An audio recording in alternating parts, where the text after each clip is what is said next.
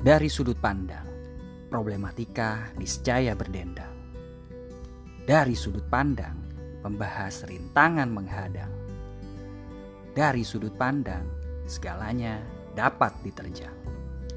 Dari sudut pandang, podcast yang membahas segala hal tentang berbagai problematika kehidupan dari sudut pandang seseorang. Semoga dapat membuka mata dan hati bahwa segala hal tidak bisa kita nilai sendiri-sendiri. Selamat menikmati.